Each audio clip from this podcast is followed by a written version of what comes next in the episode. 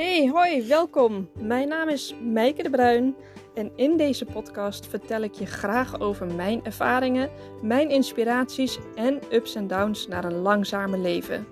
Wil jij ook uit de red race stappen of zelfs wel ontsnappen? Leren hoe je jouw pad kan bewandelen en bewuste keuzes kan maken? Luister dan vooral naar mijn persoonlijke verhalen. Laten we beginnen.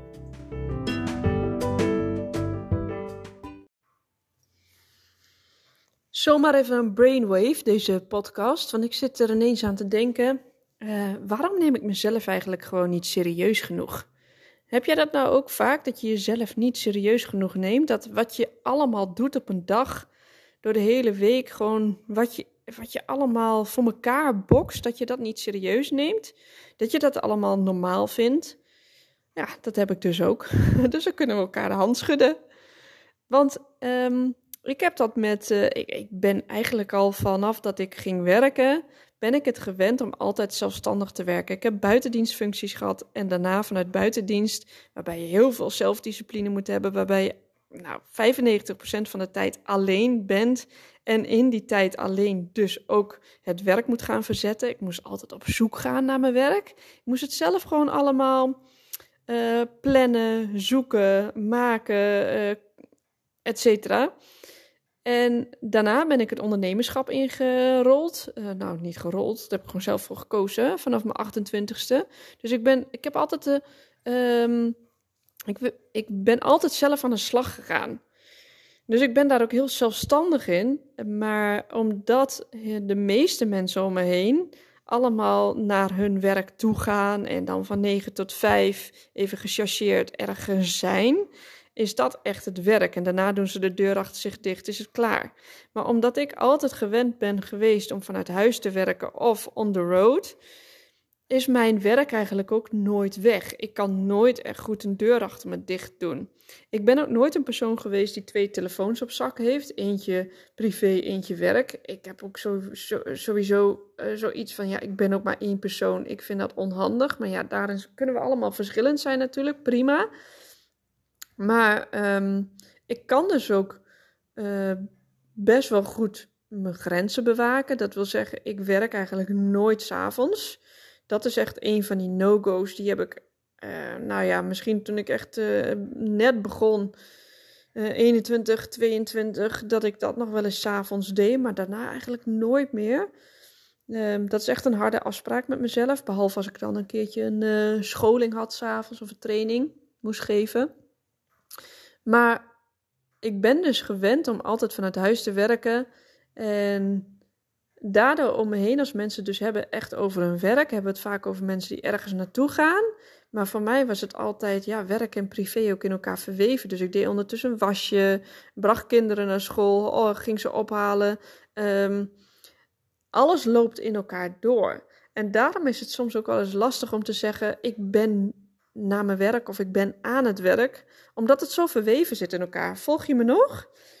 Um, en ik denk dat daar dus ook dat stukje in terugkomt van het niet altijd even serieus nemen, omdat ik zoveel tegelijkertijd kan doen. En ik ben daar ook goed in. Ik ben heel erg goed in multitasken. Ik ben beter in uh, chaos een beetje om me heen hebben en heel veel taakjes tegelijk doen dan ga ik helemaal aan in plaats van dat ik me echt moet concentreren op één, ik noem het maar, uh, een contract of zo wat ik door moet uh, spitten. Dat, dat vind ik echt veel moeilijker om echt heel erg dan op één ding te focussen. Ik heb liever gewoon heel veel dingetjes tegelijk. Maar ik merk het de laatste tijd dus dat ik het moeilijk vind om te zeggen van um, ik ben nu aan het werk.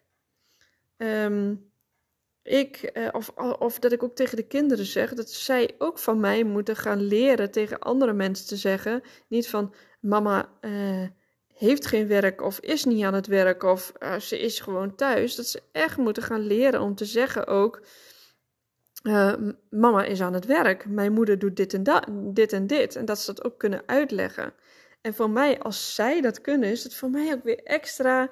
Um, een soort van ankertje in mijn hoofd van uh, dat ik mezelf serieus neem, maar dat mijn omgeving mij daarin ook serieus neem, neemt. Dat vind ik wel heel prettig. En vandaag kreeg ik die boodschap ineens binnen toen Diederik zei van ja, want jij hebt ook gewoon een online onderneming en jij bent ook gewoon aan het werk overdag.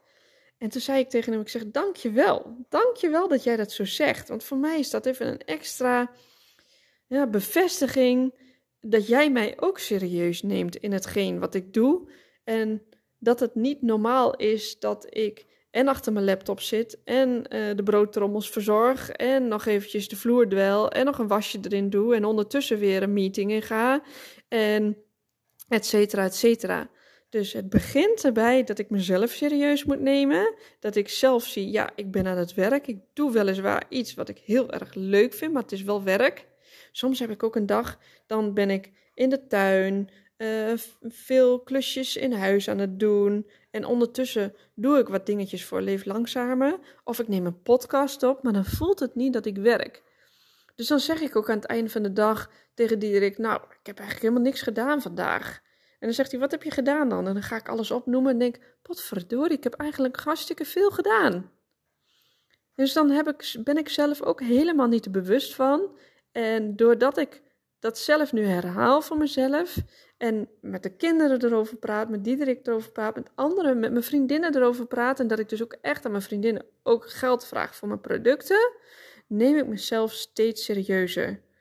Dat is dus mijn proces. Mezelf echt serieus nemen in datgene wat ik doe en het allemaal niet voor lief nemen en er echt heel erg bewust ook van zijn wat ik allemaal doe. Dus, um, nou, mocht jij dat nou ook hebben, um, dan ben je dus zeker niet de enige. Ik denk dat wij vrouwen daar sowieso heel erg last van hebben. Dat we denken dat we alle ballen altijd wel omhoog kunnen houden. Maar dat we dus ook wel eens onszelf dat klopje, klopje op de schouder mogen geven. Geef gewoon een klopje op allebei je schouders. Wees trots van jezelf en wees je ervan bewust wat je allemaal op een dag doet. En wat voor berg je allemaal verzet. En uh, wees daar echt serieus in voor jezelf. Dat dat echt super, super, super, super goed is. Dus um, nou, bij deze mijn trots ook voor jou uitgesproken en voor mezelf. Ik ben trots op mezelf. Ben je ook trots op jouzelf? Ik wens je nog een hele mooie dag. Veel groetjes. Doei doeg!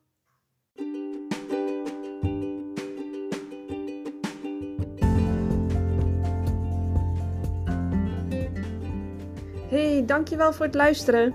Neem ook vooral even een kijkje op mijn website leeflangzamer.nl. Daar kan je in de shop onder andere de drie-stapsmethode vinden om achter jouw passie te komen. En ook het geluksjournal staat hier. Die is zo waardevol omdat het jouw kompas wordt in je leven. En je vindt hier ook mijn programma Van Gedoe naar Geluk. Ik ontwikkel allemaal dingen die mij hebben geholpen en nog steeds helpen naar een langzamer en gelukkiger leven. En als je deze podcast nou leuk vond, wil je hem dan alsjeblieft delen op je socials en praat er vooral ook over. Heb nog een fijne dag. Veel groetjes en liefst. Dankjewel. Doeg!